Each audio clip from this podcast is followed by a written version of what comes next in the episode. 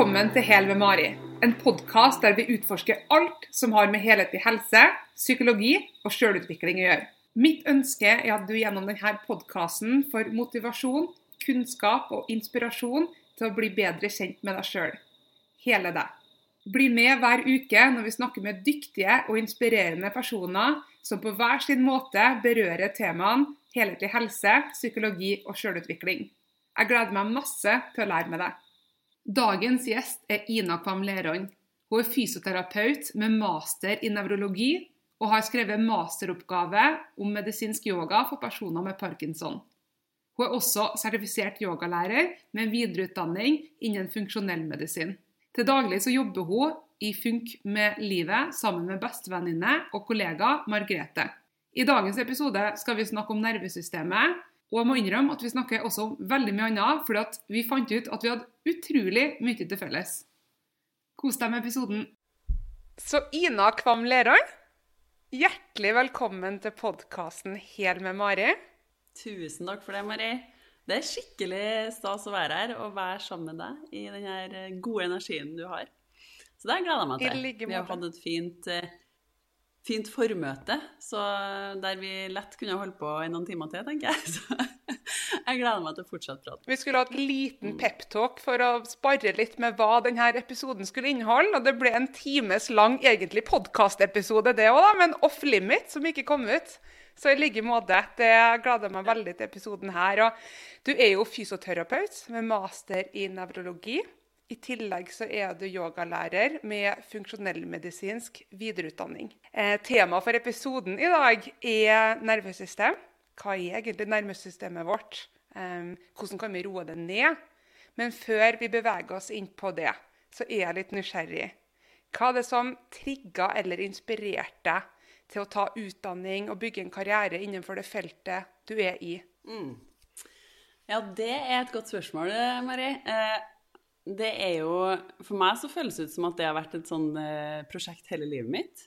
Jeg var kronisk nysgjerrig av natur som barn òg. Hadde så lyst til å forstå hvorfor. Hvorfor ting var som det var, og hvordan det hang sammen. Og den store, store lidenskapen min har alltid vært kontakt med mennesker. Jeg, altså det, fra jeg var bitte liten, så tror jeg jeg kunne snakke med gråstein. Altså.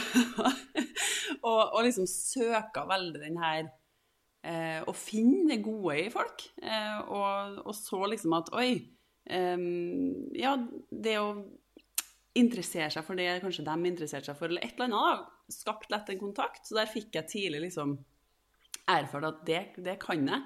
Så det å jobbe med mennesker var liksom helt selvsagt. Eh, og så var jeg i Filippinene da jeg var ganske ung, og jobba på barnehjem. Og det endra litt retninga for livet mitt på mange måter. Eh, da skulle vi jo liksom, jeg og to gode venninner, bl.a. Margrethe, hun som er kollegaen min i dag, da. Eh, vi dro dit for å liksom gjøre noe for verden.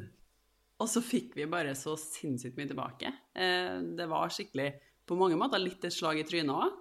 Å se at barn som bor på gata, mer, lever mer i tråd med det som egentlig betyr noe enn det vennene mine på videregående og jeg gjorde. Der det var mye mer fokus på utseende og hvor dyr beltespenne du hadde fra Tiger of Sweden eller et eller annet. der de bare var sånn der bort med all bullshitet og rett inn i hjertet mitt og, og, bare virkelig så meg, da. Og da så jeg jo på en måte Jeg fikk det så Det ble så tydelig for meg hvordan vi, særlig kanskje i Vesten, lever veldig fasadeliv. Veldig hodestyrte liv lever veldig med liksom eh, ja, en pynta, sminka versjon av oss sjøl ut, da. Og hvor vondt og vanskelig det er å gå rundt og eh, holde opp og skjule store deler av den du er. Hvor mye stress det er. Eh, og så, når jeg var der, da, så hadde jeg egentlig bestemt meg for at jeg skulle bli psykolog. Det var, liksom så, det var så selvsagt at jeg skulle bli det, fordi jeg elska det her med kommunikasjon og mennesker og kontakt og hjelpe og støtte mennesker på den måten. Men så så jeg der, selv om vi ikke snakka samme språk, eh, at det å jobbe med kropp, eller være sammen som individer, altså være i nærheten av hverandre, den type kommunikasjon var kanskje enda mer kraftfull. Så da ble det liksom fysioterapi. som var det, neste, altså det som ble det naturlige valget for meg, fordi der finnes det retninger som handla om nervesystemet og psykomotorisk fysioterapi, som på en måte ble eh, ja, mye mer naturlig da, i forhold til hva jeg hadde erfart i eget liv. Da. Den formen for kommunikasjon og hvor mye vi kan endre oss gjennom kroppen. Fordi vi er jo i verden som kropp. Vi erfarer verden som kropp. Og det, så, det tror jeg kanskje er en av de største stressordene vi har. At vi, vi slutter Vi diskonnekter fra kroppen og begynner å leve veldig fra hodet. Veldig hodestyrte liv. Skal forstå veldig mye gjennom intellektet og hodet. Men så forstår, mister vi på en måte essensen av hva er det Altså, vi vet altså, Hjernen din kan jo ikke erfare hvordan en sjokolade smaker. Eller hvordan en klem føles. Eller hvordan det er å gå barbeint på stranda. Men det er litt det hele samfunnet har vridd seg mot. da. Det har blitt veldig intellektfokusert, veldig hodestyrt. Så det har vært eh, det som har på en måte pusha meg veldig i retninga av kropp. Eh, og det å jobbe med endring gjennom kroppen, og erfaring, opplevelse gjennom kroppen. Så det var liksom fysioterapibiten. Men så så jeg jo på en måte at denne tradisjonelle fysioterapiretninga ikke ga meg helt alt da, det jeg ønska. Fordi jeg har alltid vært veldig glad i å bruke liksom alle mulige tilgjengelige verktøy. Alt som funker. ikke nødvendigvis at det må ha 20 RCT-studier før, før, man kan tørre å gå i gang og prøve noe. Nei, jeg har vært veldig nysgjerrig og hele tida prøvd ut masse praksiser i eget liv òg. Eh, så både på bakgrunn av min personlige helsereise, fordi at jeg begynte å få en helse som skranta veldig sjøl, dessverre ganske tidlig, og det jeg opplevde da når jeg møtte folk som var sjuke, så følte jeg at det, det, er for eh, For meg så føltes det ikke riktig å jobbe bare med, bare med én ting, da. Jeg var veldig opptatt av å prøve å se helheten. Um, og da ble funksjonell medisin, som er en svær eh, retning innenfor medisinen i USA nå, et veldig naturlig valg videre. Og Margrethe, bestevenninna mi, og min kollega, Eh, hun er lege, så vi dro da til USA og utdanna oss i funksjonell medisin og sa opp faste jobber og starta for oss sjøl. Så det er litt sånn kort, kort fortalt. Og der er det det man liksom omfavner funksjonell medisin, det er jo ikke det er jo ikke et alternativ til helsevesenet. Det er på ingen måte det du får i akutt medisin. Det er veldig eh, livs, livsstilsmedisin, eh, forebyggende, og, og det leter mye mer i underliggende årsaker. Så det handler jo mye mer om å liksom forstå hva er det som holder oss friske. Hva er det som har gjort at jeg har blitt syk? Hva er det i livet mitt da, og måten jeg lever livet mitt på som gjør meg syk, eller som kan holde meg frisk? Som beskytter meg. Mm. Hvor gammel var du når du var frivillig på Filippinene? Da var jeg 19. Jeg ble 20. Så det, det var skikkelig stor øyeåpner i livet, altså. Det, det, her, det er så mye å ta tak i her nå, føler jeg. Kjempeinteressant intro. Og det skal jo sies for dem som lytter til det her og ikke vet av oss, da, at vi er jo vokst opp på samme plass. Eh, men, mm. men, har egentlig ikke kjenner hverandre, men vet av hverandre, da. Eh, og det er jo litt komisk, fordi at jeg for også som frivillig når jeg var 20, men da til Afrika, og jobba med hiv-smitta barn. Eh, og det var, altså er, er Afrikakontinentet tatovert på ribbeina? Fordi det var, sånn som du sier, livsendrende. Og ja, selvfølgelig, man kan si at det er klisjé, men apropos den maska som du snakker om. Jeg har jo vært verdensmester i maske. Og jeg tror nok kanskje de som vokste opp med meg, tror Mari er én person i forhold til den Marien som jeg er nå, når jeg har turt å på en måte begynne å skrelle løken. Og vi kommer litt tilbake til det i løpet av samtalen. Men før jeg dro til Afrika, for da var jeg jo ja, 20, akkurat blitt 20, dro til Afrika i februar. Og jeg var veldig opptatt av at hvis man skal bli elska eller verdsatt i livet, så må man se perfekt ut. Altså, Det er kun det ytre som teller. Og jeg tror faktisk jeg så den Playboy Mansion-TV-serien, 'How to be a playmate', var liksom det jeg kikka. Altså, du er hva du kan konsumerer. Mari ville bli en playmate. Eh, er jo da har arva mine fars pupper. Eh, altså, de er ikke så store eneste dama i familien med små pupper. Så jeg var utrolig lei meg over de her put puttene, eh, puppene. Endte opp med å betale depositum på silikon da i januar, før jeg dro til Afrika. For da tenkte jeg jo at har jeg store pupper, så kommer jeg sikkert til å få meg kjæreste. eh, Jeg kommer til å bli godt likt, og jeg kommer til å være populær. Altså ytre verdi for å få aksept. Og så dro jeg til Afrika og bare så hva 30 000 kunne gjøre med barn. Det var én ting. At, at du innser verdien av penger, hva vi har i det overflodssamfunnet da, i vestlig verden. Og så det, Da klarte ikke jeg det personlig. Det er ikke til noe disrespect for dem som velger å gjøre det. each their own. Men for min del så ble det ikke riktig da å bruke penger på det når jeg så hva jeg kunne ha gjort for 30 000. Men så var det også det du snakka om, at den gleden og rausheten som vi opplevde, var så ja, du, Det endrer deg som en person. da. Og Jeg fikk faktisk noe som heter reversert kultursjokk når jeg kom hjem til Norge. Jeg visste ikke engang hva det var, men jeg følte ikke at jeg passa inn noe mer. Jeg var totalt forvirra. Hva er Mari? Hvorfor føles det ekkelt ut å være hjemme? Jeg føler ikke at jeg har ting til felles med vennegjenger. Ikke vil jeg drikke alkohol når jeg kommer hjem heller, fordi vi jobber også med FAS-barn, altså barn med, som har hatt for en mor da, som har drukket gjennom svangerskapet og jobba med barn med den, det syndromet. Så det satt ting i perspektiv. Eh, og så må jeg jo flire også av den Tiger of Sweden-beltespenna. Eh, altså, alle som har vokst opp på Melhus, vet jo veldig godt, eller Klæbu for den saks skyld, vet jo hvilken spenne det er snakk om. Så det er veldig artig å høre. Ja, komisk at vi har hatt lignende forhistorie til å komme dit vi er i dag, uten at vi noensinne egentlig har kjent hverandre. Nei, for jeg visste ikke det om deg. Det var skikkelig artig å høre liksom, hvordan din reise var inni det. Ja, for som du sier, jeg visste jo av deg mer som, i ungdommen, da.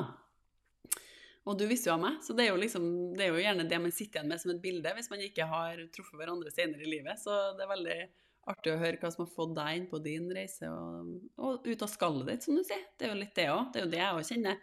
Og det er veldig interessant det du sier, for det var akkurat det samme jeg kjente. Og jeg var jo 19, ja. Jeg ble 20 der, faktisk. Vi var der jo eh, tre måneder. Eh, og når jeg kom hjem, stakkars lillesøstera mi, som er åtte år yngre enn meg, da Jeg husker at hun klaga til pappa på at liksom SIM-kortet Det var så lite lagring på SIM-kortet den gangen. Var sånn, hun hadde sånn klapptelefon, husker jeg. Hun var jo sånn tolv Ja, hun ble tolv eller noe. Og jeg bare fikk raserianfall til henne. Og så bare sånn skjelte hun ut. og bare sånn, Den utakknemlige skitunge! Du aner ikke! Her er det liksom unger som ikke har noen som bryr seg. De har pussa tennene. Og så jeg, jeg kjente jo at det hadde, det hadde gjort sterkt, sterkt, sterkt inntrykk, da. Eh, og også det å føle at jeg faktisk kunne gjøre en forskjell og bety noe for noen. Det gjorde jo også, det trigga jo enda mer den her lysten til hvor skal jeg hen i livet, og hvor mye mening jeg kjente på det å virkelig gjøre noe der jeg føler jeg gjør en forskjell.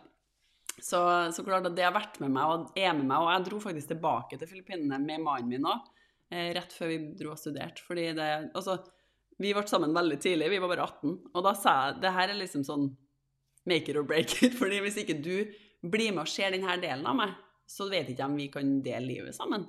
Så det var kjempetøft, og vi sto liksom i en sånn skikkelig sånn wow, er det, skal det være oss eller ikke? Så, men det, han ble med, og det gjorde veldig inntrykk. det gjorde nok noe med han òg. Så ja, det var viktig. Jeg vet ikke om det er Gabriel Moté sitt sitat, men han, i siste boka hans hvert fall, snakker han om det der at vi har et samfunn som applauderer og feirer verdier som faktisk skaper sykdom og ikke fremmer helse. Eh, statusjag, karrierejag. Vi tar ikke oss tida til å puste og eksistere. Og det er en ting som jeg følte at jeg ble eksponert til i Afrika. Og det her var i 2011, og det var før Snapchat og Instagram. Altså, Vi hadde Facebook-pages, altså sider, men vi, vi, hadde ikke muligheten til å drive og snappe og Instagrammet. Jeg ser dem som er på lignende turer nå, og som er på sånn backworker-tur eller jorda rundt-tur eller jobber som frivillig. De har den automatiske tilgangen på telefon, så de snapper opplevelsen. Og jeg kjenner nå når jeg ser tilbake, nå litt sånn Å, det var så mye bedre før.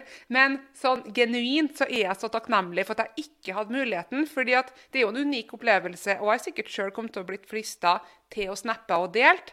Men vi hadde med et kamera, sånn gammeldags Canon-kamera, det eneste vi hadde, med minnekort. Utover det så var det ingen mobiler i bruk.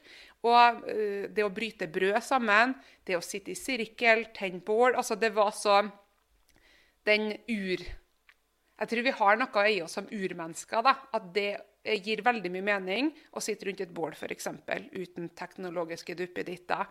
Så, og det er på en måte være i det da, i tre måneder, og så kommer han hjem igjen. Og i tillegg hadde du den maska med at ok, folk kan ikke bli kjent med Mari. Blir man kjent med kjernen Mari, så kommer de ikke til å like meg. Så de har maske, maske, maske, sminke, sminke, sminke, Restylane, hair extension, hele pakka. sant da?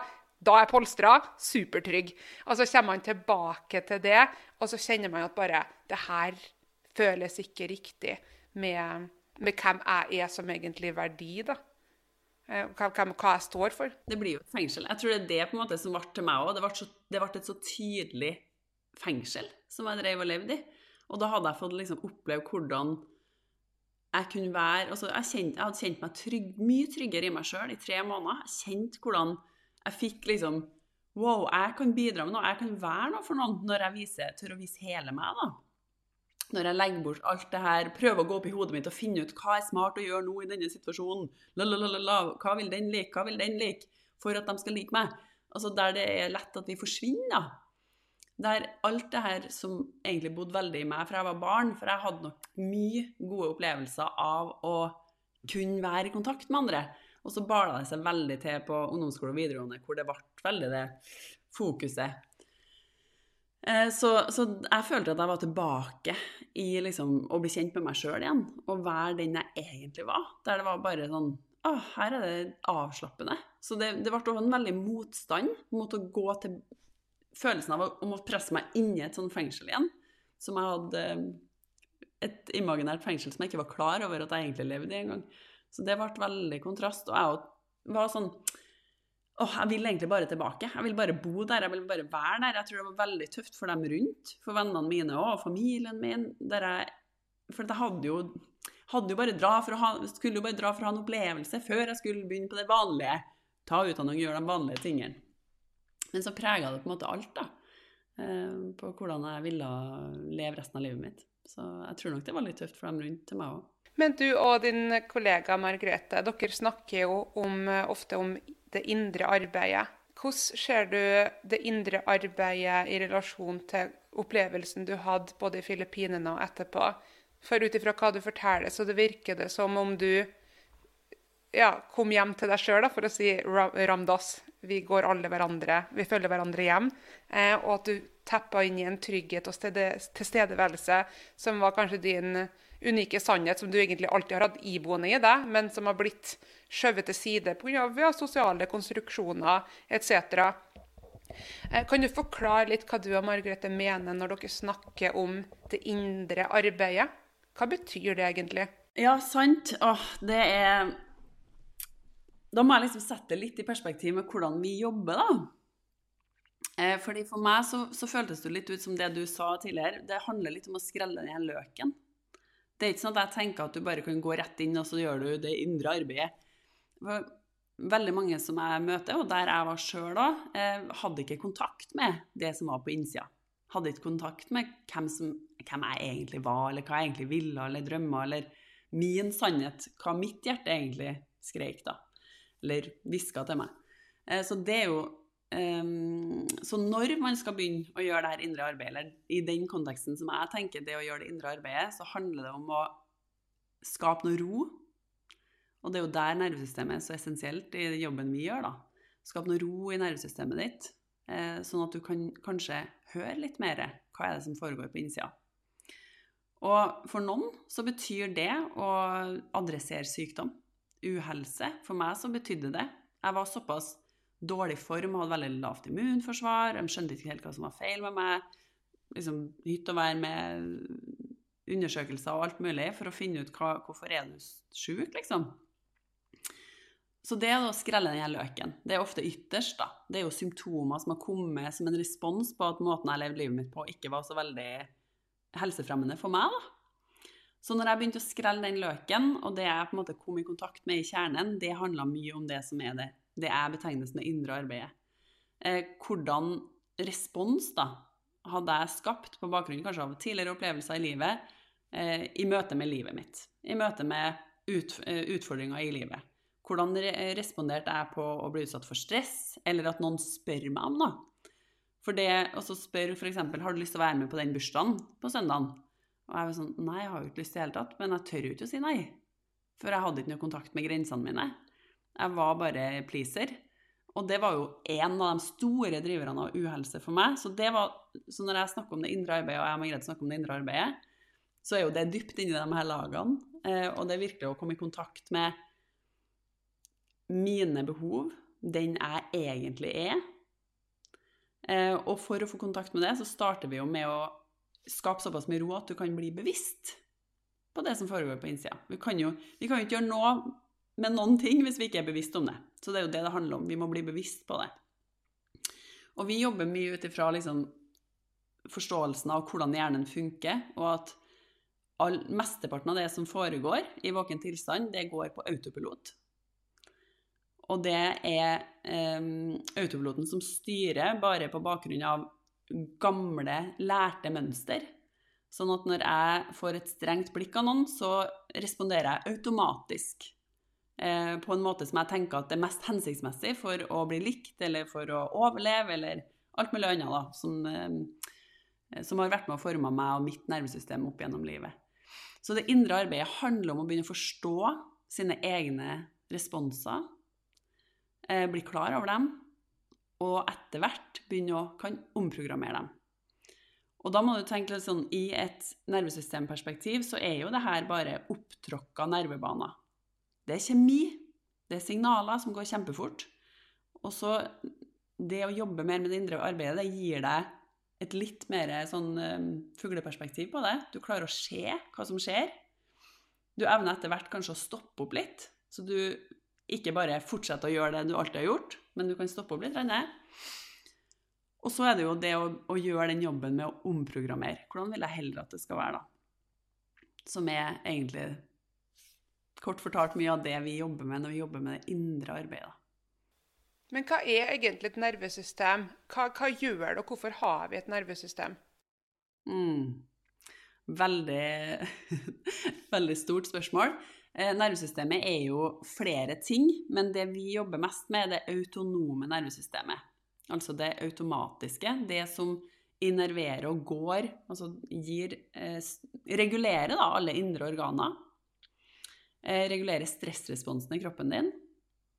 Og hovedoppgaven til det eh, autonome nervesystemet, det er jo å holde kroppen, organismen, i live.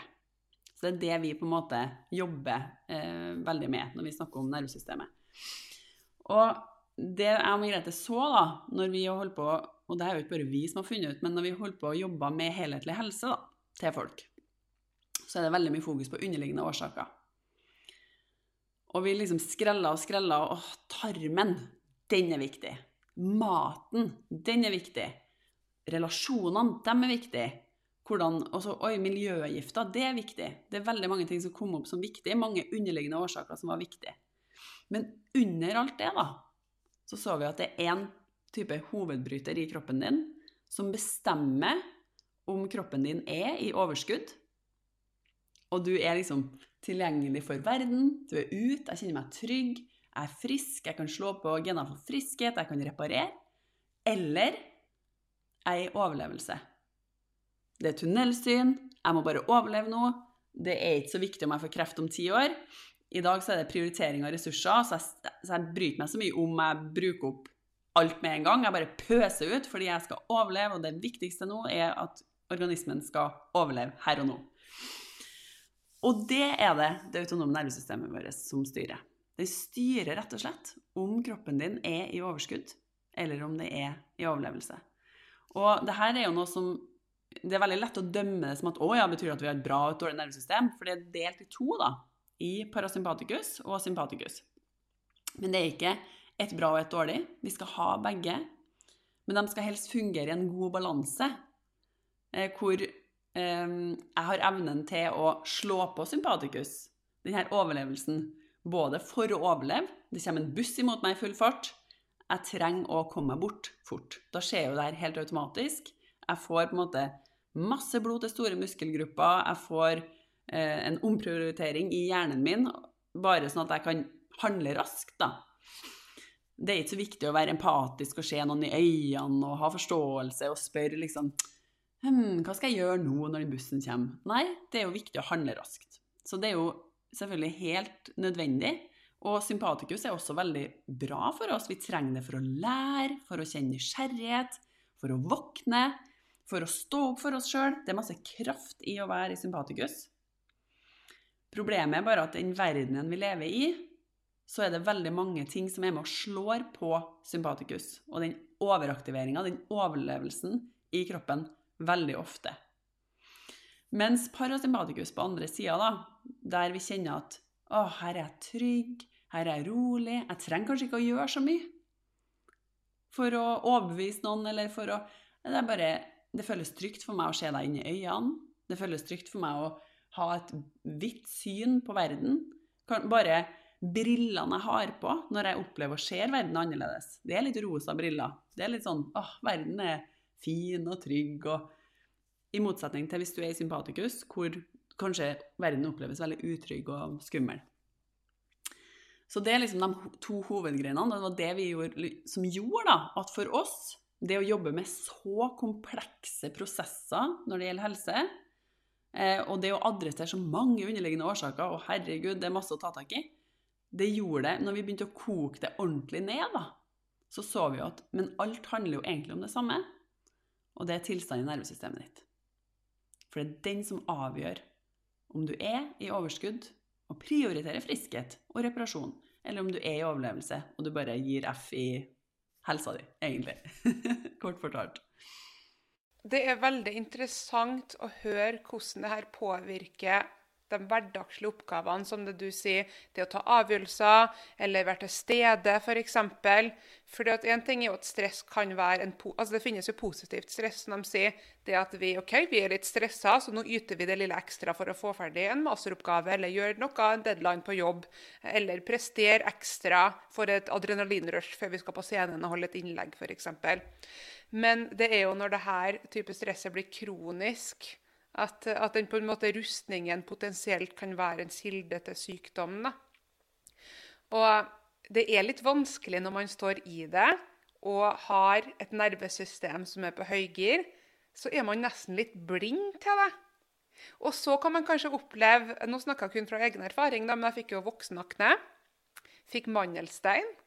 Um, har hatt søvnvansker i fem år. Bank i bordet. Det er nå er første, I 2023 nå er første gang jeg er umedisinert på søvn på, på et par år, faktisk. Og har hatt hele livet problemer med magen. Altså konstant. Jeg får ikke til å gå på do. Men jeg har jo også nå på en måte, jeg er jo åpen om komplekse traumer, går, går i behandling for det. da, Og har lært gjennom det hva nervesystemet gjør med oss, og hvordan det påvirker oss. Som f.eks. For fordøyelse. Og jeg er jo en av dem som er litt sånn her fight or flight. OK, må analysere alt. Jeg er engstelig. Så kroppen min, det siste kroppen min, er liksom rest and digest. Det har ikke vi tida til. Så jeg og Mari er jo helt på døve hver dag, for her er det skummelt å eksistere. Så det er jo ikke noe rart at jeg får stoppa, for den delen av mitt, min kropp er jo i pause. For vi har ikke noe mulighet til å faktisk fordøye maten vår. fordi at livet oppfattes som så overveldende da, at vi må ja, sette resten på pause og være mer akutt i den stressituasjonen. Og det er når man står i det der, at det er litt vanskelig Det jeg syns er vanskelig, er hvordan bryter man ut av det? Når man er så trigga at man nesten er litt blind for det sjøl, og så er det kanskje symptom som kommer opp, da, som det med problematisk fordøyelse. Eller at man ikke får til å sove. Eller det at man ikke får til å roe ned, ikke får til å være til stede. Sant? Jeg har fått kroppen ned så på høygir da, at man hører nesten ikke hva andre sier engang. Hvor starter man hen da? Mm. Og først, takk for at du deler det. Jeg tror det er så mange som kjenner seg igjen. Og det er skikkelig sånn ja, det, det, er så behov for å forstå at måten vi lever livet på, er med å skrur på den her som jeg og Merete kalle alarmknappen, da, så ofte i kroppen. Eh, og, og det, hele den kaskaden av stress, da, for det er jo egentlig det det er, den kjemiske kaskaden av stress slås på i kroppen din. Og det er jo som du sier, en av symptomene er jo typisk det at altså, enten så får du diaré, eller så blir du forstoppa, for det er helt likegyldig eh, å fordøye noen ting. Så som du sier, eh, hvordan skal man begynne å gjøre noe med det her når man er midt oppi kaoset? Fordi det er akkurat da kan det jo altså, å begynne å ta inn noen ting òg er veldig vanskelig, da. Det er vår erfaring, i hvert fall. At da det er ikke noe vits å snakke så veldig mye, eller komme med masse sånn teori, og nå må du gjøre ditt, og, og prøve å snakke til intellektet, da. For hele problemet er jo gjerne at hodet og hjernen står i veien for kontakten din med kroppen, for å få roa nervesystemet. Så jeg mener at jeg jobber veldig ut ifra faser, avhengig av hvor vi møter folk. Men hvis, hvis jeg hadde møtt deg nå, så hadde jeg jo tenkt at ok, her må vi begynne å skape noe kontakt. Så det kan være at du hadde trengt å få den forståelsen. Nå, nå har jo du forståelsen om det med nervesystemet. Og at du hadde, vi starter kanskje med å få noe sånn her OK, jeg Oi, ja, det, de symptomene der kjenner jeg meg igjen i. Det, den stresskaskaden. At jeg hele tida går inn med en klump i magen og føler at jeg har det så travelt. Det er akkurat som at det er, det er med livet som innsats at jeg må klare å komme meg på jobb i riktig tid, da. Det er sånn at vi nesten tror at vi dør. Altså det den der voldsomme eh, reaksjonen. Eller at man blir helt passiv. Føler seg handlingslamma, klarer ikke å snakke. Så det her avhenger jo også litt av hvordan stressresponstype du er. Det kan vi snakke litt om senere, hvis det blir For dem tenkte jeg at det kan være litt nødvendig, for det handler òg litt om hva du ville ha valgt slags inngang. Men likt for alle er jo nettopp det her med at nervesystemet er så, da, det er også på høygir at uh, vi er ikke så veldig tilgjengelig for så mye input, egentlig. Så første steg er jo å skape noe trygghet i nervesystemet. For det er jo det opplevelsen, sånn helt primitivt sett, som er inni, inni deg, da, inni nervesystemet ditt, uh, er jo at du er dritredd. Det er frykt. Det er en kjempestor, gedigen fryktrespons som bare Eh, så det er punkt én. Vi må skape noe trygghet i nervesystemet vårt. Og det gjør vi best ved å gå via kroppen. Og det er jo derfor som fysioterapeut at jeg elsker det her. Fordi det er ikke gjennom her. Det er ikke gjennom å snakke, snakke, snakke, snakke med noen som er så jævlig redd, da. Det kan være det at noen legger hendene på skuldrene dine og faktisk er sånn Å, her er du, Mari. Det kan være at du lærer deg å legge hendene på kroppen sjøl. Så berøring Eh, det kan være jording gjennom å gjøre fysiske øvelser. Det kan være å stampe eller gjøre yoga. Jeg bruker masse sånn at folk skal være barbeint. Eh, for det øker inputen da, fra kroppen og inn til hjernen. Så vi trenger å øke signalføringa fra kroppen og inn til hjernen. Akkurat som at hjernen da husker at 'Å ja, jeg har en kropp'. og også at det er noe kontakt med noen ting. Det gir oss veldig mye trygghet. Det å kjenne at vi er i kontakt med noe. For noen så kan det jo være at eh, det er så mye oppsamla stresshormon. Se for deg det at du sitter dønn i ro, sånn som jeg og du gjør nå, og har en podkast, og så får jeg en voldsom stressreaksjon. Og så av en eller annen grunn så er det noe som gjør at alarmknappen går av, og jeg får nesten en følelse av at jeg har angst. Jeg klarer kanskje ikke å snakke, eller ordene baler seg, og hjertet banker som en gal. Og kjenner liksom nesten at jeg skjelver og er urolig i kroppen min. Da er jo det verste i verden å sitte i ro. Det er jo helt forferdelig, og mange ganger så blir vi jo tvunget til det. Men det er det stresshormonene gjør, da. Du får en pakke med stresshormon for å gjøre deg klar for å enten kan kjempe sant, eller flykte fra denne faren som er Mari som sitter på podkast med meg. Kjempefarlig. og da Ja, veldig farlig. Men det er, jo, det er, jo, helt reelt. Det er jo det som skjer til oss veldig ofte, da. Eh, og da vet jo ikke kroppen helt hva den skal gjøre av alt det her oppsamla stresshormonene. Det skilles ut masse sukker til blodet. Veldig mange opplever jo der at man sliter med å gå ned i vekt, f.eks. For eksempel. Fordi det lagres jo. Det, det her sukkeret må jo lagres hvis det ikke brukes. Da, hvis du har den type reaksjon, og det er veldig mye uro i kroppen, så kan det være godt å riste. Jeg syns det kan være godt å bruke stemmen min og liksom få ut Kjenne at spenningene ligger der. Eh, vi, både jeg og Grete, lærer jentene våre å få ut sinne på en sunn måte. Det må være lov. Det er veldig mange av oss som har tatt sinne veldig inn. For vi har ikke fått lov til å uttrykke sinne. Det er kanskje en del av oss som ikke ble akseptert som barn. Kanskje fikk vi beskjed om å gå på rommet vårt og ja, ha igjen døra, liksom. Vi vil ikke ha med noe med deg å gjøre når du er sint. Så det å få strategier for liksom, å, det er greit å slå i puta, det er greit å gå seg en tur, få ut det her overflødige stresshormonene, bevege seg. Og så tar det ca. 20 minutter for denne amygdalaen, altså den delen av hjernen vår som er veldig kobla til fight-flight, å roe seg ned. Så det er jo også bare et sånn supertips i forhold til relasjoner. Og når du kjenner deg veldig fyra, og hvis du krangler med noen, så kan det være veldig smart hvis du kjenner deg trygg nok. Da, hvis ikke du har veldig behov for å Du gjør ikke det med et barn, du vil ikke gå fra et barn i 20 minutter, men hvis det er en voksen person, så kan det være veldig sunt å si sånn Du, nå tar vi 20 minutter pause. Og jeg må få ut noe av det her øh, overflødige. Så kommer vi tilbake igjen og finner tilbake. Men det er utrolig viktig å finne tilbake igjen, da. Hvis ikke så kan jo her bli en følelse av veldig avvisning og ja. Det her skulle jeg ønske man lærte om på skolen. Altså det der det å regulere kontra å reagere, det har jeg sagt i hver episode, føler jeg. Den viktigheten der. Fordi jeg ble ikke lært det. eh, Så jeg visste ikke Altså som en voksen så har jeg måttet lært den differansen sjøl. Og også som Altså nå har jeg vært sammen med samboeren min da i ti år. Og det er jo en veldig fin spirituell reise hvis man ser på forhold som det. Fordi at man møter jo partneren sin som et speil med flombelysning. Altså, her er det snakk.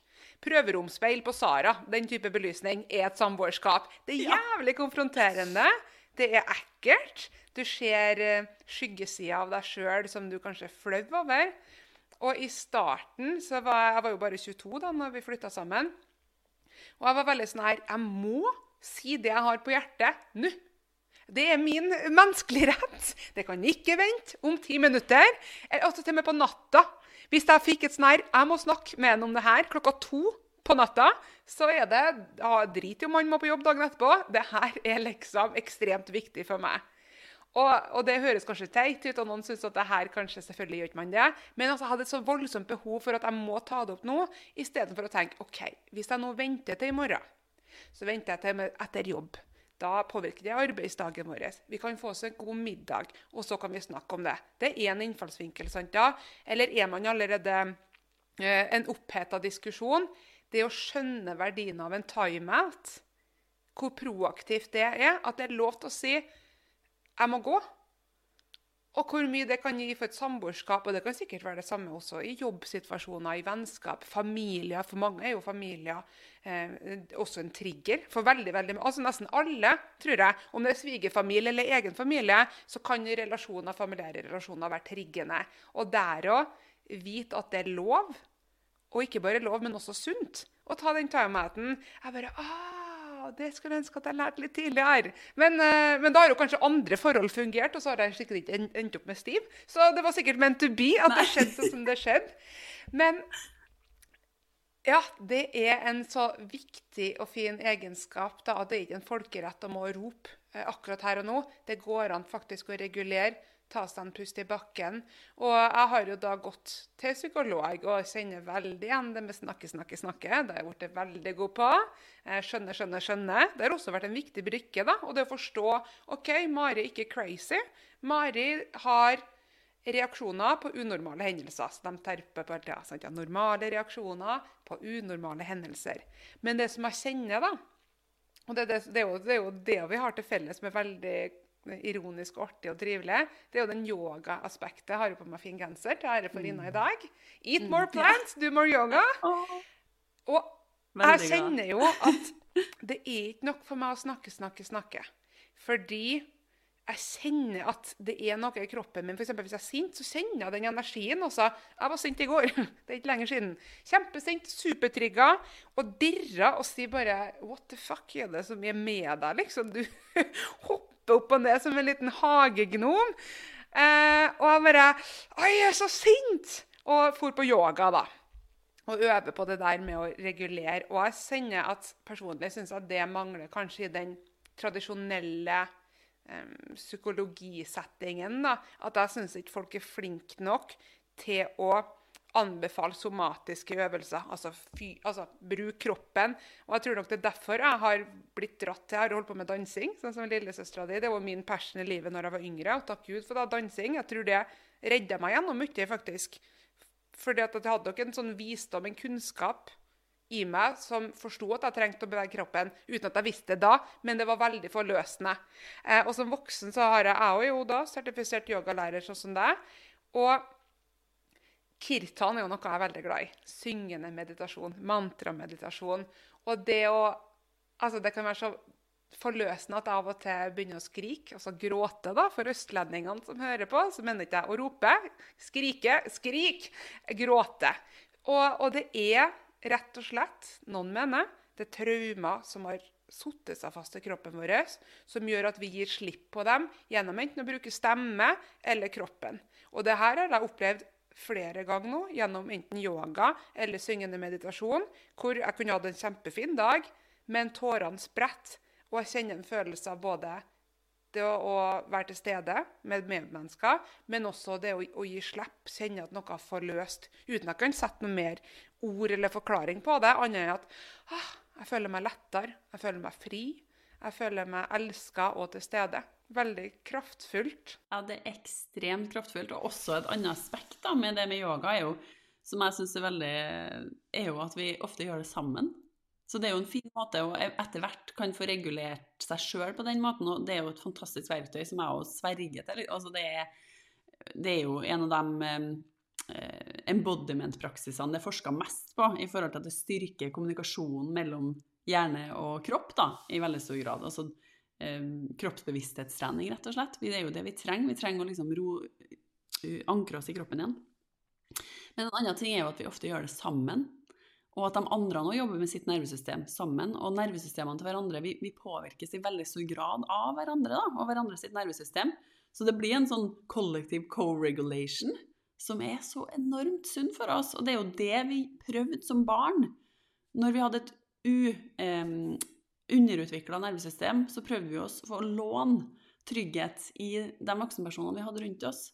Så hvis de ikke hadde gjort jobben med seg sjøl, da Dette er kanskje min store lidenskap. Jeg er mamma sjøl. Jeg ble mamma ganske tidlig. Så hun er jo ti år, og eldste jenta mi. Og liksom, Der snakker vi speil. Altså, ja, mannen min har vært et speil, men, men, noen som på en måte kommer og Når du er på ditt mest sårbare hele tida, som bare krever deg, da. Da var det tøft å være litt grenseløs. Men, men greia altså, å, Hvis du har lyst til å gjøre noe bra både for dem rundt deg og for barnet ditt og for alle egentlig i livet ditt, så er det jo det å jobbe med ditt eget nervesystem. Ta ansvar for det. Skap trygghet i ditt nervesystem. Det kommer til å være så deilig for alle andre rundt deg å være med deg. Eh, så det, det, å være klar over at vi låner litt av Vi kan låne nervesystemet til hverandre litt, og særlig barn har behov for det her. Så som foreldre òg, det er den største gaven du både kan gi deg sjøl og barnet ditt. Å virkelig ta ansvar for ditt eget nervesystem. Og det tror jeg på en måte man får med seg litt ekstra i yoga når man gjør det i en gruppe. da. Det at vi kan låne litt av den. Og det, det, kanskje er det det som gjør at jeg har også vært på kjempesterke sånne timer, både hvor vi hadde mantrasang og eh, meditasjoner, og jeg leda meditasjoner eller vært med på det sjøl, og puste, altså breathwork sessions, hvor det er akkurat som at det skjer noe kollektivt, at det blir en forløsning i hele gruppa. Altså, det er så sterkt. Eh, jeg vet ikke om det er for at du tillater et space, at det skjer noe, i hvert fall. fordi det er jo det veldig mange av de her kroppspraksisene som vi bruker mye av, Margrethe, og har dykka mye ned i, da, liksom hva er det som skjer, handler jo om at vi skaper såpass mye trygghet at vi kanskje tør å se på. At, noe, at det som har ligget veldig sånn Å, det her er så skummelt at jeg bare har blokka ut at det har skjedd, til og med. At det kan få At jeg har skapt større trygghet i meg da, til å faktisk tørre å se på den delen av meg, eller det som har skjedd, og, og at det ikke nødvendigvis må forstås, men at den bare må få lov å den følelsen må få lov å komme til overflaten. da. Og det du beskrev om, er liksom det var bare et altså, fint eksempel. Jeg kjenner meg veldig igjen i det. Jeg kunne òg bli veldig desperat første årene, for mannen min han har en helt annen reaksjon på Hvis vi krangla, så hadde han veldig behov for space. Han, ble, han kunne nok bli veldig redd av min reaksjon. Han var ikke vant til konflikt, så han gikk nok litt i en sånn frysrespons og bare Åh, ikke ta meg, liksom. Og, ble, og ville helst gå bort fra meg, for han syntes jeg ble veldig voldsom. Og desto mer han trakk seg unna, desto mer intens ble jeg, desto reddere ble jeg. Og jeg hadde veldig behov for at han gitt meg bekreftelse for at jeg skulle kjenne meg trygg igjen. Sånn at ikke jeg gikk rundt og tenkte at nå har jeg ødelagt alt, nå blir jeg avvist, nå blir han å forlate meg. Og som all den frykten i meg søkte jeg på en måte ut da, på å få, få noen ny trygghet i. Så den jobben jeg har gjort med mitt eget nervesystem, har jo handla mye om å gi meg sjøl den tryggheten. Så mye av det vi snakker om da, i det indre arbeidet, handler om å bli en trygg voksen for deg sjøl. Bli den her trygge, gode forelderen for deg sjøl som du skulle ønske at du hadde. Og det er ikke fordi vi har hatt dårlige foreldre, eller De har gjort så godt de kunne, men de kunne ikke vite akkurat hva du trengte. Det er ingen som kan vite akkurat hva du trenger. Og det kan ikke være opp til andre å ta ansvar for deg heller. Så det å gi seg sjøl den robustheten og den styrken er at jeg kan si det jeg trenger til meg sjøl når jeg trenger det. Jeg kan gjøre gode ting for meg sjøl eh, når jeg trenger det, og, og bli kjent med hva gjør meg trygg. Har jeg tilrettelagt i hjemmet mitt for at jeg har ting rundt meg som gjør meg trygg og glad? Er det liksom det å sette på noe lukt? Er det det å altså, Hva er det? Hvilke farger trives jeg i? Trives jeg med planter rundt meg? I det hele tatt, det er lov, da. Eh, og jeg syns det er for lite fokus på det. Det er kanskje litt sånn, nesten litt sånn gjort narr av at vi har lyst til å kjenne oss trygge. For da er vi Det er jo sånn Ja, jeg opplevde tidlig i livet at jeg og mannen min vi tok et valg om at vi hadde lyst til å studere samme plass. Det var viktig for oss å være sammen. Og da var alle sånn Herregud, det kan jo bli slutt, og da går du glipp av det og det det er på en måte ikke anerkjent og opphøyd at det er greit å ha lyst til å satse på gode relasjoner. Jeg har lyst til det. Jeg synes ikke noe, Og det er liksom Du er bare kul hvis du flytter til andre sida av jordkloden og bare tar avstand fra alle, og du klarer deg på egen hånd. Og så er det vel sånn Det viktigste i livet, det som er det viktigste for helsa og for å oppleve lykke, det er gode relasjoner. Det er greit å kjenne seg trygg òg, men vi vil gjerne liksom ha den balansen. Ikke at det blir liksom Komfortsona mi er så stor, men Åh, ja, det er mer trygghet i nervesystemene våre. Amen, sister! Og det Ina sier nå, det er det jo faktisk forska på. Altså Det lengste studiet på lykke og tilfredshet så er det jo Harvard, tror jeg, som har. Så ja, over 70 mm. år, and still going strong. Og der var den største mm. korrelasjonen på lykkefølelsen mm. var nære, gode relasjoner. Og det trenger ikke å være med og også helse. Ja, helse ja. Også god helse. Det har påvirket på helsa. Det som er så kult, var at det var Ja, og da kan vi knytte mot nervesystemet, da. Ok, Så hvis du har vært veldig mye i den staten da, av parasympatikus, du har kjent deg trygg Det å være rundt mennesker der du føler at du ikke kan være deg sjøl, det å være i kontakt med andre der det er altså mye dårlige relasjoner, er så helseskadelig for oss. For det så de jo også i den studien, at ensomhet forkorter livet ditt med 20 år ensomhet er like skadelig som røyking. Det sier jo litt, og hvorfor er det sånn? Jo, man kan jo tro da, at det handler om at det gjør oss utrygge. Og det gjør at vi er mye mer sympatikus. Det er en betegnelsesreaksjon, det er en overlevelsesmekanisme. Vi prioriterer ikke åh, Vi kan ikke forebygge, vi kan ikke slå på mekanismer for friskhet og heling som vi faktisk har. Og jeg synes også, det her studiet jeg har snakka mye om, det er også studier som er gjort, kengurustudiet, som ble gjort eh, i forhold til premature. Der de måtte faktisk avbryte studiet, fordi da var det premature barn da, som eh, enten lå i kuvøse som, som, de gjorde før, eh, eller ble lagt på brystet til mor eller far, og var på en måte i nær kroppskontakt hele tida. De barna som ble lagt på mor eller far, de hadde 40% større overlevelse. Overlevelsesraten øka med 40 og det gjorde at det var jo ikke etisk forsvarlig å, å fortsette studiet. Dette måtte jo alle få som et tilbud. Det med kontakt, nærhet, trygghet, kroppsvarme, berøring. Så det er jo noe som, som jeg sa til deg liksom innledningsvis når du spurte om hvordan trygge nervesystemet, hvordan komme i kontakt. Berøring er så viktig for oss. Apropos liksom covid og hvor separert vi har vært fra hverandre nå. Det, og det kan jo være i form av at du stryker på en hund. Altså, men, men, det å liksom være nær andre mennesker er så viktig for oss og for nervesystemet vårt. For å få kontakt med trygghet i nervesystemet. Hvis ikke du har vært utsatt for noe som gjør at kontakt er selvfølgelig traumatiserende. Det, det er jo ikke sånn at du skal bare gå og ta på folk, men Men det er virkelig Det er en veldig sånn inngang i nervesystemet. Vi hadde en øvelse på det når, vi, når jeg studerte at yoga. Det var i 2017. Tok sertifiseringa her i Byron Bay, faktisk. og en øvelsen For det første så var jo syngende meditasjon det var påbudt. altså Det var en del av pensum. Vi måtte gjøre det. Jeg har aldri gjort det før. Eh, og jeg husker at jeg var med på Melhus igjen. Jeg var med på én smålyssamling. Det var sånn kor da som var på Melhus. Og det gjorde jeg kun for at resten av jentene på gata de var med i smålys. Og der var det noen det var som var litt eldre enn oss, og hun sa Hørte dere Mari, eller? Hun sang så falskt. Og etter det så har ikke Mari sunget i, i, plenum, på en måte. Og det er jo en sånn trist ting som mange kan referere til, at en sånn liten kommentar fra barndommen kan påvirke så mye hvordan man ser seg sjøl. Eh, men det er ikke egentlig poenget med historien her. Poenget var at nei, herregud, skal jeg sitte og synge i seks uker? Kurset var yogakurset varte i seks uker. Hver dag klokka ett måtte vi synge kirtan i 45 minutter. Og jeg bare Herregud, hvordan Kumbayama Lord-greier er det jeg meldte meg på? Her skal vi sitte med beina i kors og synge rare indiske ord.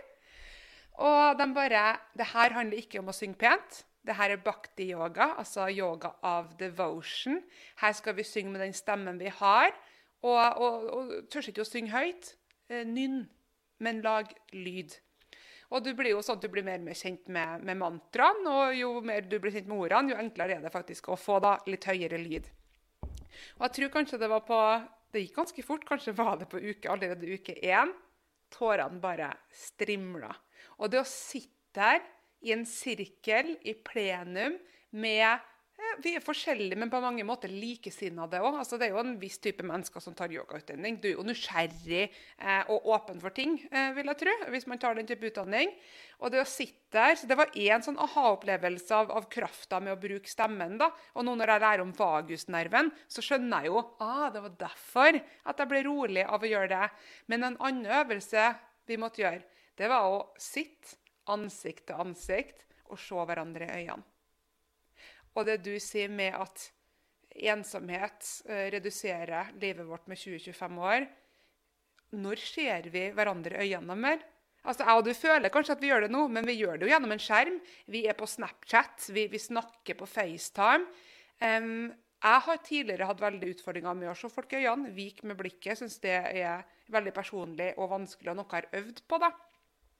Og det å sitte der da, da skulle Vi vi hadde timer og greier, jeg tror det var i en eller to minutter vi skulle sitte og se hverandre i øynene. Og hvor mange som begynte å skrike, altså gråte, av den øvelsen. Det å bli sett er kanskje noe av det vakreste, mest uh, såren, sårt og vakkert, da. Fordi at du sitter så tett et annet menneske, og kanskje har du da opp til det punktet jobba så hardt med å ha på masker eh, vika med blikket fordi av du av ulike årsaker syns det er ubehagelig å se noen i øynene. Kanskje du føler ikke er bra nok, kanskje du er engstelig.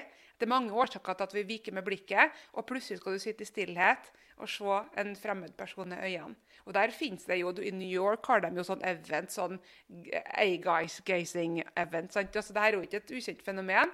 Men igjen ekstremt kraftfullt. Det å på en måte bli møtt av et annet menneske. Veldig helbredende. Veldig. Av det her, når, alltid når vi har fysiske eventer, vi hadde dette i januar, så bruker vi å ha med den øvelsen. Eh, også når vi hadde mindre. Eh, den er så sterk. Jeg hadde også den opplevelsen ganske tidlig på en yogautdanning jeg tok. Um, og det er jo som du sier, jeg tror det, er, det handler om et dypt menneskelig behov for å bli sett. Som vi alle bærer så på. da, Apropos det vi snakka om innledningsvis. Hva var det på en måte jeg alltid har kjent at det, det viktigste for meg i livet mitt er å leve et liv i kontakt. Der jeg kjenner at jeg kan møte andre mennesker, der jeg har rom for å ta inn andre mennesker. Der jeg føler meg sett, der de kan føle seg sett.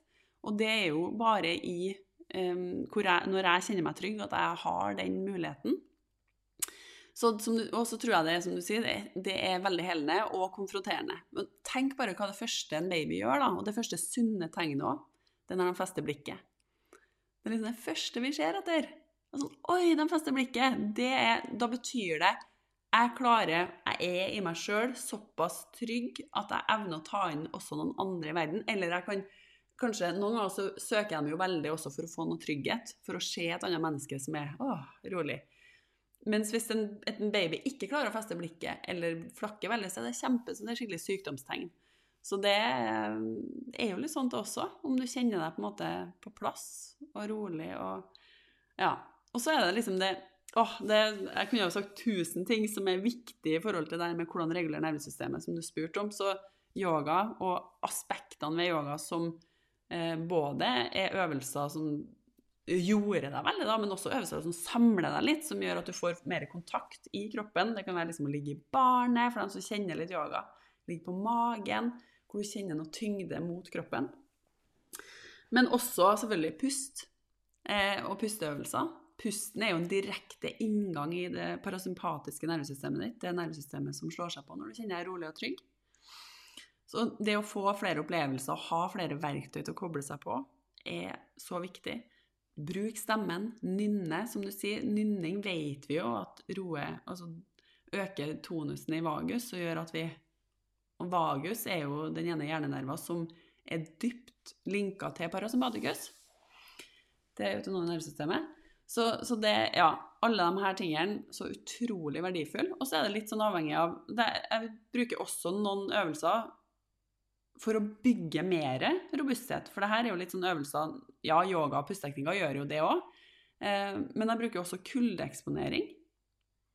Og jeg syns jo yin-yoga er helt fantastisk for å komme i kontakt med følelsene sine, for å komme i kontakt med masse av den, det vi driver og skjuler, da. For det er jo noe med å liksom komme i kontakt med det. Eh, og det med følelser, og det å romme hele seg, eh, med alle de følelsene jeg har, og med alle sidene med meg sjøl, det er jo kanskje noe av det mest helbredende arbeidet man kan drive med. Og da snakker vi jo liksom det her indre arbeidet, kjernen, da. Og jeg syns det er så interessant, for ungene mine er jo gode, Det er godt å se, de er, de er veldig trygge. Og jeg blir også veldig oppmerksom på hvor lett det er for dem å ta imot. Apropos heling og kjenne seg trygg og god nok, da. For det der tror jeg også problemet til veldig mange av oss ligger. At vi, vi får jo egentlig veldig mye kjærlighet fra verden rundt, men vi føler jo ikke at vi fortjener det. Så vi driver jo bare og avviser, og vi leter uansett bare på bekreftelser på at vi blir avvist. Det var en sånn kjempenydelig episode i morges når jeg skal gå ned og vekke hun yngste. Så ligger hun liksom i senga sånn helt avslappa, selvfølgelig. Og så går jeg liksom bare stryker på henne, og så stryker over magen, og sier jeg 'Å, gullet, liksom, må, nå er det morgen, nå må du våkne'. Og så sier jeg noe sånn her 'Åh, jeg er så glad i deg, du er verdens beste', liksom. Jeg, det, det, det, er så lett da å gi kjærlighet til den lille kroppen. Så strekker hun seg, og så sier hun sånn 'Takk'. Som den største selvfølge. Bare sånn 'Gi meg det her. Jeg tar imot.' Og det er sånn Det bare slår meg hvor lett det er for henne å bare ta imot kjærlighet. Det er jo mye av det her handler om. da. At I hvert fall for meg så var det litt sånn Jeg må gjøre meg så fortjent til det. Jeg må passe på så mye for at jeg skal være god nok til å kunne ta imot noen ting som helst fra noen andre. Men vi har jo egentlig også så behov, andre, eller alle har jo det, også til å få lov å gi kjærlighet. Så jeg tror også det, ved å gjøre den jobben, så vil du klare å ta imot andre og andres kjærlighet i større grad, og vi får mindre ensomhet av den grunn For jeg tror vi alle craver det. da, og så Dessverre så er så mange av oss dysregulert i nervesystemet. Og vi har jo ikke dykka inn på andre restaurant engang, for nå har vi jo prata så lenge, som handler om liksom alle mulige andre ting som driver stress og driver oss i overlevelse. Nå har vi snakka mye om denne indre stressoren, som kanskje er en av de største. Men så er det jo mye ting i det ytre livet vårt òg som dessverre jeg må slå på den alarmknappen. Og det er jo ting som maten vi spiser, miljøgifter eh, det er, det er det vestlige livet som er ganske stressa. Altså, det, det, er liksom tid å forholde seg til, og det, det handler om å liksom mobilisere veldig mye. Eh, så der er jo, når vi gjør en jobb med folk, så begynner vi jo der for å gjøre deg helt tilgjengelig for å begynne å jobbe med det indre.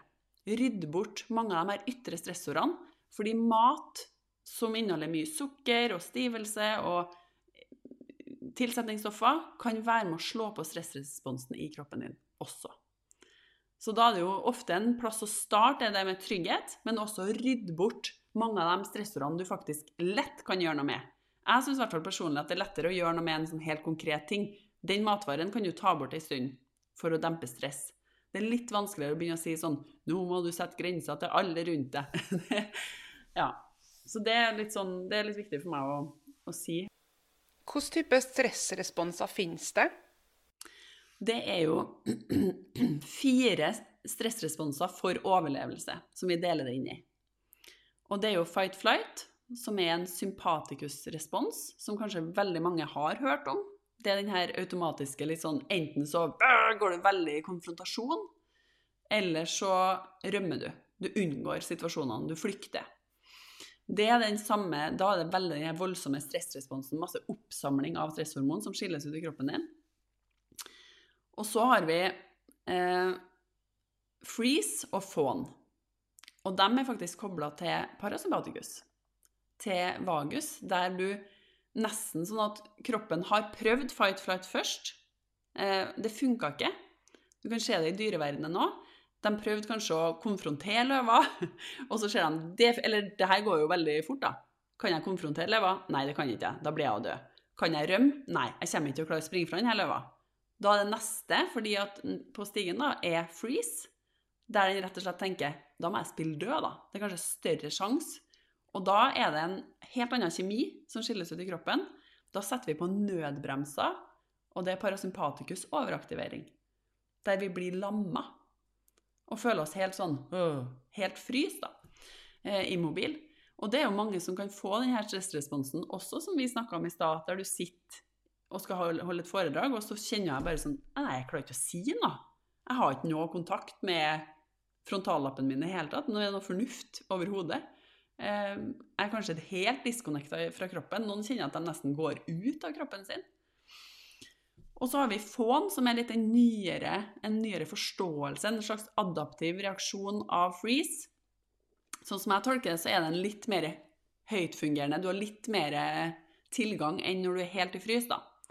Der du går inn i en slags people pleasing. Og det har de også sett i dyreverdenen, at kanskje begynner dyret, eller byttet plutselig å leke med løver. Kan jeg leke nå? Kan jeg please liksom, løver for å komme meg unna og lure dem inn i en lek?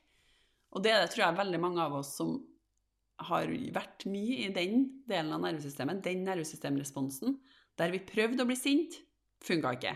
Der vi prøvde å flykte, nei, vi fikk ikke lov, eller vi var innestengt. Og så gikk vi kanskje ikke rett i freeze, men vi gikk i fån der vi ble veldig people pleaser, da. Fordi det var en mekanisme som funka for å få mindre kjeft, for å få Ermund Djøli, og, og, mange som har vært mye i fån, har jo veldig lite kontakt med egne behov, fordi alle andre sine behov har vært så viktige. Eh, og miste, liksom, ja, miste seg sjøl kan, kan, gjøre veldig i møte med andre mennesker. Da. Så det er de fire F-ene for overlevelse. Liksom de fire stressrespons, eh, som nervesystemet har. Og så er det jo selvfølgelig det å være i ventral vagal state, som er Eh, den delen av vagus og parasympaticus hvor du kjenner deg bare trygg og til stede, der det er lett å være, der det er tilgang på kreativitet og ja, verden er liksom trygg. Hvis man ikke vet hvilken type eh, stressrespons man har en tendens til å teppe i, hvordan kan man begynne å bli kjent med den delen av seg sjøl? Mm, og det er et godt spørsmål. Eh, der kan jo ta kontakt med meg og Margrethe, da. ja, for det her er jo noe dere jobber med? Ja. Det her jobber vi veldig mye med. fordi det vil jo på en måte, Der kan vi hjelpe folk å tilrettelegge litt mer hvilke tiltak er fint for deg i forhold til det, hva som er din primære respons. da. Det er viktig å si at du vil mest sannsynlig kjenne deg igjen i alle. For vi har alle i oss. Men det er sikkert én som har blitt litt en sånn default mode. Den som slår seg på oftest. da når du kjenner deg veldig, veldig pressa og stressa. Eh, så da Det er jo en del god litteratur på det. Eh, vi følger jo mye ei som heter Holistisk Psychologist. Ja. Syns hun har mye bra bøker og en kjempebra informativ Instagram. Og så er det jo ei bok som heter How the Body Keeps the Score, som er skikkelig verdifull, syns jeg, på dette området da, innenfor nervesystemet og polyvagal theory og litt sånn Dr. Porge og kunnskap rundt det. Så der kan man jo søke litt.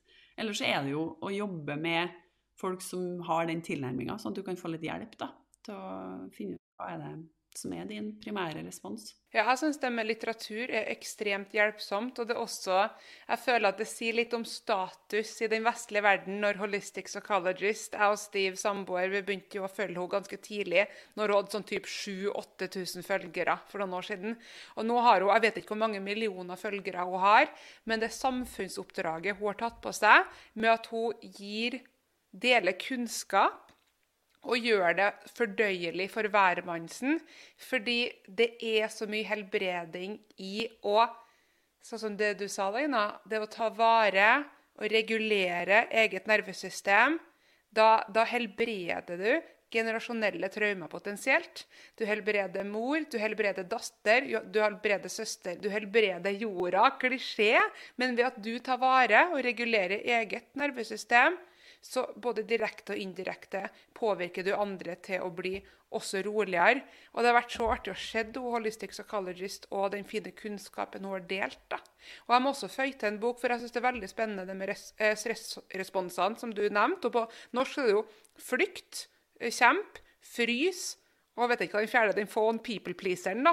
Den var ikke jeg kjent med, men jeg leste en fantastisk bok om uh, komplekse traumer. Jeg kan skrive den i teksten til podkasten, for jeg husker ikke hva boka heter.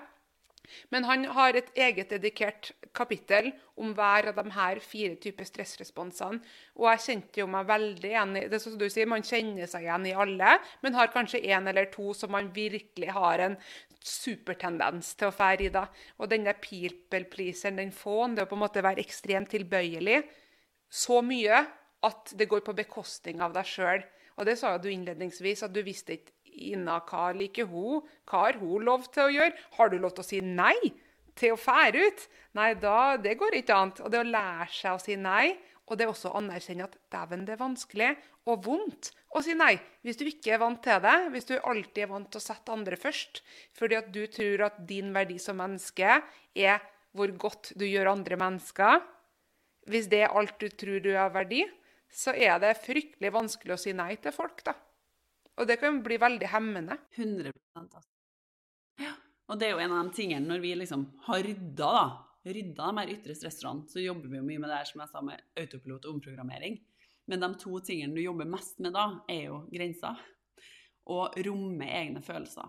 For det er nettopp det. Altså, ja, jeg kan forstå konseptet grenser. Jeg skjønner at jeg må sette noen grenser, for at grensene de ivaretar meg og mine behov og den jeg er. Det er mitt ansvar å kommunisere det og pass, sørg for det i meg sjøl.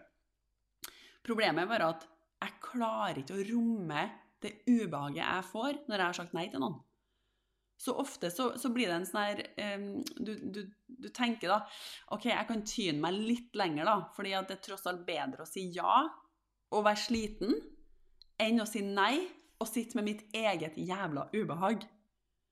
Og det er jo det som er så skremmende. Vi rømmer fra oss sjøl våre egne følelser, og det er da vi begynner med alle mulige strategier da, for å rømme fra oss sjøl. Vi spiser masse, eller vi uh, binger TV, eller vi gjør et eller annet for å flykte fordi det er så overveldende og ubehagelig.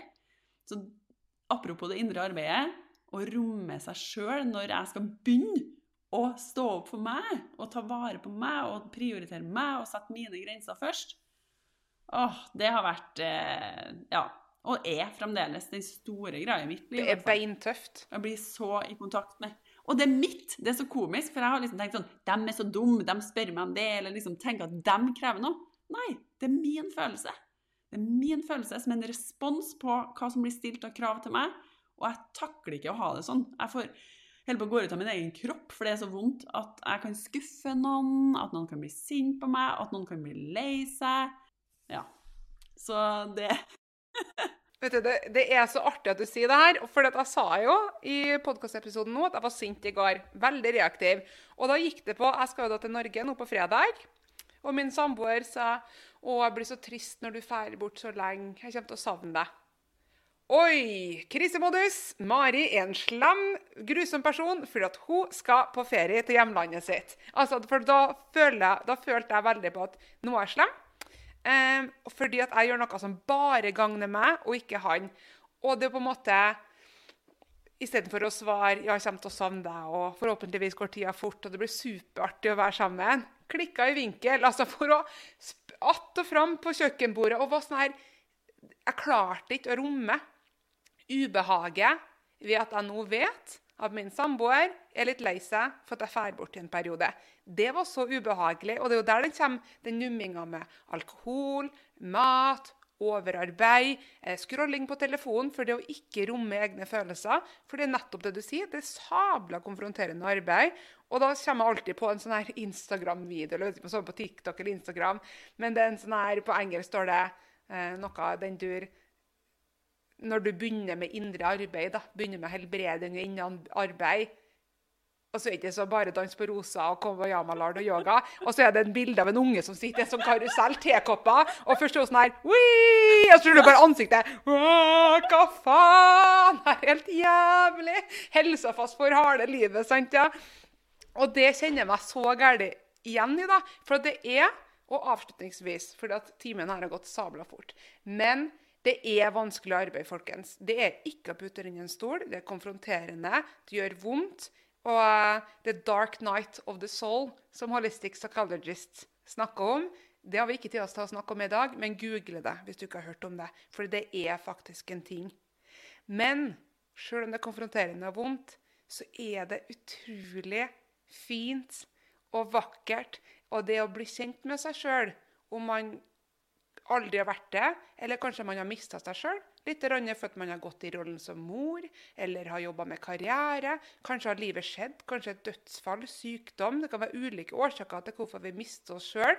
Men det å komme tilbake, det å komme hjem, det er en så varm og flott gave at jobben blir verdt det. da. Om en så bare tepper i det i et lite øyeblikk, så er den søte frukta av den opplevelsen blir så motiverende i seg sjøl. I hvert fall jeg personlig.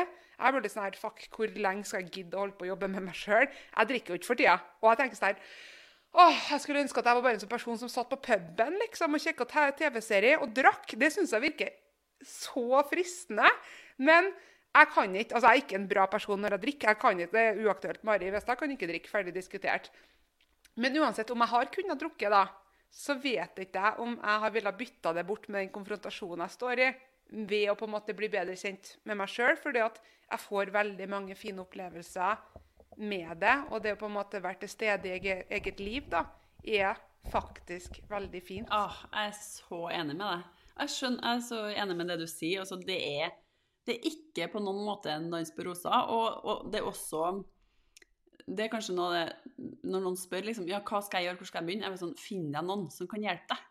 For det å gjøre det alene, da For hjernen din har jo som hovedoppgave å holde deg trygg. Hjernen din eh, vet egentlig ikke hva som er trygt. Den vet bare hva som er kjent. Den kobler det kjente automatisk mot at det er trygt. Det er derfor mange som også har vært utsatt for overgrep eller vært slått som barn, faktisk søker til det som voksen. Fordi hjernen tolker det som at det er i hvert fall kjent, da. Ergo sikkert trygt. Eh, og det kan føles nesten sånn at ja, det er i hvert fall noe forutsigbart, da kan jeg forholde meg til. Det er jo det vi gjør. Vi tar et leap ut av komfortsonen, ut av det kjente, det som hjernen opplever som det trygge. Så selv om det bærer så frukter og er mye bedre for oss, så føles det ut som fritt fall akkurat når du tør å ta det leapet. Eh, og det er mange sånne leap, som du sier. Det er liksom, Jeg føler som Nå må jeg nå komme, da. Nei, men så var det. Og så, men, men, det er samtidig så får du mer og mer frihet. Du får mer og mer handlingsrom. Lekeplassen blir veldig mye større og mye artigere. Det er liksom ikke bare humpedisser som er trygge. Nei, jeg tør å ta alle tingene og kjenne meg trygg. Det er virkelig det som inspirerer meg og driver meg på denne kontinuerlige reisa som jeg føler jeg er på i livet og i jobben min. Så ja. Åh. Men apropos det, hva gjør du da for å ta vare på mental og fysisk helse? Har du noen gode rutiner som gjør at Ina grunner seg sjøl? Ja, og det har vært veldig viktig for meg, fordi jeg kan ikke la det være opp til hjernen min. For da blir det litt sånn å herregud, alle andre sine behov er så viktig, så da slipper jeg meg sjøl. Så jeg må være beinhard på litt struktur på det. Um, og, så jeg har en morgenrutine som jeg gjør hver dag. Og den, den, er ikke sånn rigid, det må være samme. Det var det i starten. Det var helt nødvendig i starten, for jeg kunne ikke la det være opp til hjernen eller min nervesystemrespons og avgjør om jeg fortjente eller ikke. Eh, så jeg har alltid en morgenrutine der jeg starter med å sjekke inn med meg. Eh, der jeg kanskje også ser litt på dagen min. Og da gjør jeg gjerne både litt bevegelse og noe meditasjon. Og så har jeg en rutine for hvile hver eneste dag. Og det har vært en, også en sånn um, grunnstein i hele min helbredelsesreise. Fordi vi lærer hele tida så mye å slå på denne stressresponsen. Men jeg hadde lært veldig lite om å slå på bremser og aktivt hvile. Så det er en viktig, viktig del av eh, min, hvordan jeg tar vare på meg sjøl. Jeg ser for meg liksom at jeg ligger der og bare vasker nervesystemet mitt for stress. Eh, og virkelig gjorde meg. Og så har jeg en eller annen form for meditasjon i løpet av dagen, og det handler mye om at jeg vil trene fokus. Eh, fordi fokus er kanskje det som blir mest pressa i det samfunnet vi lever i. Det er så mye som stjeler oppmerksomheten vår. Og det er jo sånn at det du retter fokuset mot, der retter du energien din, og det du retter energien mot, det får du jo mer av. Så jeg ønsker å passe på den litt, fokuset mitt. Så det er de tingene som jeg gjør alltid. Og så prøver jeg jo så godt jeg kan, som alle andre, da, å være flink til å være ute i naturen og gjøre mer av de tingene som gjør meg rolig og glad. Fylle på med gode podkaster, nære venner. Så, så, jeg har jo på en måte tilrettelagt et liv i mye større grad eh, for å ivareta helsa mi og nervesystemet mitt. da. Eh, mye mer obs på, på, det, og spør meg ofte sjøl sånn, hvordan, hvordan, vil det her påvirke nervesystemet mitt? Hvis jeg tar det her valget, hvis jeg gjør det her, hvis jeg drikker denne vinen nå, eller hvis jeg spiser det her sukkeret, eller hvis jeg er med de menneskene, hvordan vil det påvirke meg? At jeg har en større så, så, det å leve i større bevissthet, kanskje, sånn at du er mer i kontakt med den kunnskapen og implementerer den hver dag. Det er jo litt som det du sa, det med å være en sunn voksen for seg sjøl. Og på en måte gi seg sjøl den gaven med å spørre deg sjøl Hva trenger jeg nå? Hva, hva ville gjort godt for meg nå? Hva trenger jeg nå? Og det å bli bevisst på hva som gjør seg sjøl godt. For at har man mista seg sjøl, så er det ikke alltid like enkelt å finne ut av. Og da kanskje kan man ta seg et lite øyeblikk, en stille stund, og, og skrive liste. Når kjenner jeg på glede? Når mister jeg bevissthet om tid og plass? Altså Når gjør jeg noe at jeg blir så i flow-staten at jeg glemmer hvor jeg er, hva jeg holder på med? Når kjenner jeg meg rolig? Hvem er jeg med? Når jeg er rolig. Og det på en måte starter der, da. Hvis man føler at man er så oppkava at man ikke engang Hvis jeg spør noen ja, hva liker du å gjøre, hva er din passion i livet, så blir man nesten litt stressa. Bare, nei, men jeg har ikke noe passion, og jeg vet ikke hva jeg vil. Og så føler de seg kanskje enda mer eh, ikke til stede og kanskje litt som en taper, eller altså, negative emosjoner kommer opp. Så det er på en måte å skrive i liste, og husker du hva du liker nå? Hva likte du å gjøre som barn, da? Hva ga deg glede? Og start der. Og spør deg sjøl okay, hva trenger jeg nå. Hva liker jeg å gjøre? Hva gjør meg rolig? Hva gir meg glede? Mm. Og Det var så deilig at du har den lista. Det er jo tydelig at du har jobba med deg sjøl. For du sa jo du har jo lista di klar. Her er det jeg må gjøre. Dette er mine no, no negotiable. Dette må jeg gjøre hver dag jeg, for å være den beste utgaven av meg sjøl. Det er veldig artig at du sier liste. Vi har en sånn eh, gledesliste på kjøkkenet som henger opp, der hele familien har skrevet hva, som, hva de liker å gjøre, hva som gjør meg glad. Og det er jo så, så, verdifullt i forhold til å bli bedre kjent med dem du elsker. Så, da, så det er en veldig sånn åh, det er en vinn-vinn, altså. Både at de blir bedre kjent med deg, for vi ønsker jo egentlig å glede hverandre òg. Det gir oss jo masse. Så det, ja, det er en fin øvelse å gjøre med dem du er glad i. Virkelig. Det er veldig godt tips. Det skal jeg gjøre med Stiv ja, i morgen. Det skal jeg spørre ham. Nå skal vi skrive liste. Det aner meg at surfing ender opp på lista hans, men, eh, men, det blir en spennende Og kanskje tror man at man vet alt som ville ha stått på lista til en samboer eller venn eller familiemedlem, men så er det her en veldig fin invitasjon til å bli enda bedre kjent. Mm. Avslutningsvis, hva vil du si det er å være hel? Eh, for meg, når du sier det ordet, så handler det om å ha plass til hele meg, der det er lov, og der jeg det å være hel er på en måte å elske alle delene av seg sjøl, for meg. Eh, virkelig de skyggesidene, de tingene med meg sjøl som jeg har skamma meg mest over, og som jeg har gjemt bort, og de tingene jeg har tenkt at ikke er lov.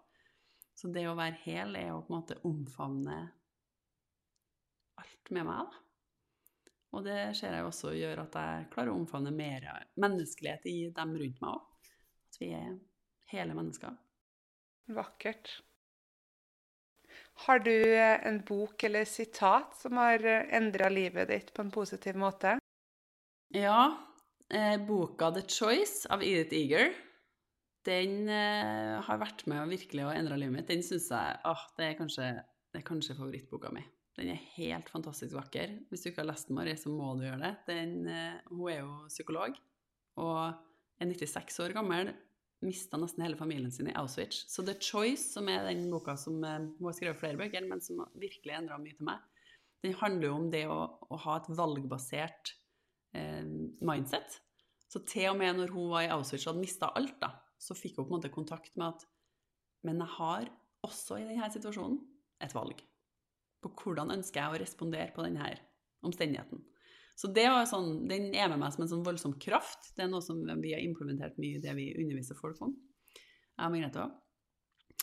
Og det, den quoten som jeg har med meg oftest, eh, og som jeg syns støtter meg veldig i å være på en sånn reise som jeg er på, og som gjør at jeg klarer å bevare nysgjerrighet når ting går til helvete og er jævlig, Det er Peter Crone, som kalles The Mind Architect, som har sagt um, Life will present you with people and circumstances to show you where you're not free. Sånn at det, klarer, det gjør at jeg klarer å se når jeg blir veldig trigga av noe, av et menneske eller av noe, så, så klarer jeg å møte med mye større nysgjerrighet. Og en litt sånn hm, OK, det her viser meg bare at nok et område er ikke fri.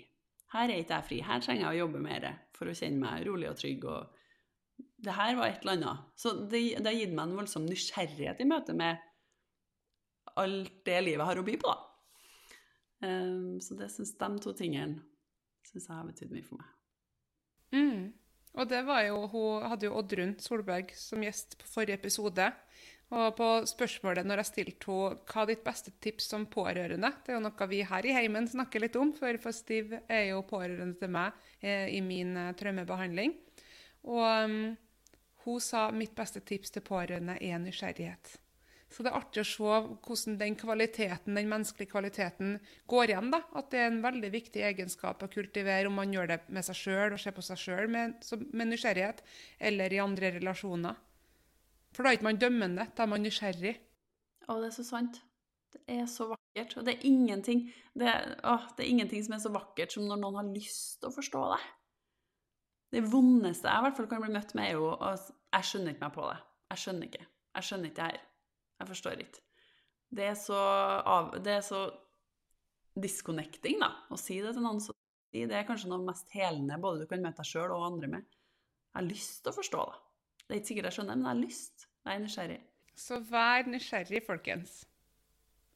Hvis folk har lyst til å bli bedre kjent med deg, eller kontakte deg, eller kanskje jobbe sammen med deg og Margrethe, hvor kan de finne informasjon om deg og dere? Vi har nettside som heter funkmedlivet.com, eh, og også en Instagram-konto som heter funkmedlivet og så på mail. Eh, så der kan dere kontakte oss. Og vi har jo flere online-kurs. Og så holder vi av og til fysiske eventer og workshops. Og så har vi én-til-én-veiledninger på Zoom med folk. Veldig bra. Tusen hjertelig takk for at du brukte din onsdags formiddag med meg i dag, Ina. Det har vært en veldig deilig samtale. Tusen takk, Mari. Det var veldig fint. Takk for meg. Tusen takk for at du hører på podkasten Hel med Mari. Sørg for at du aldri går glipp av en ny episode ved å følge Hel med Mari podkast på YouTube og på Spotify.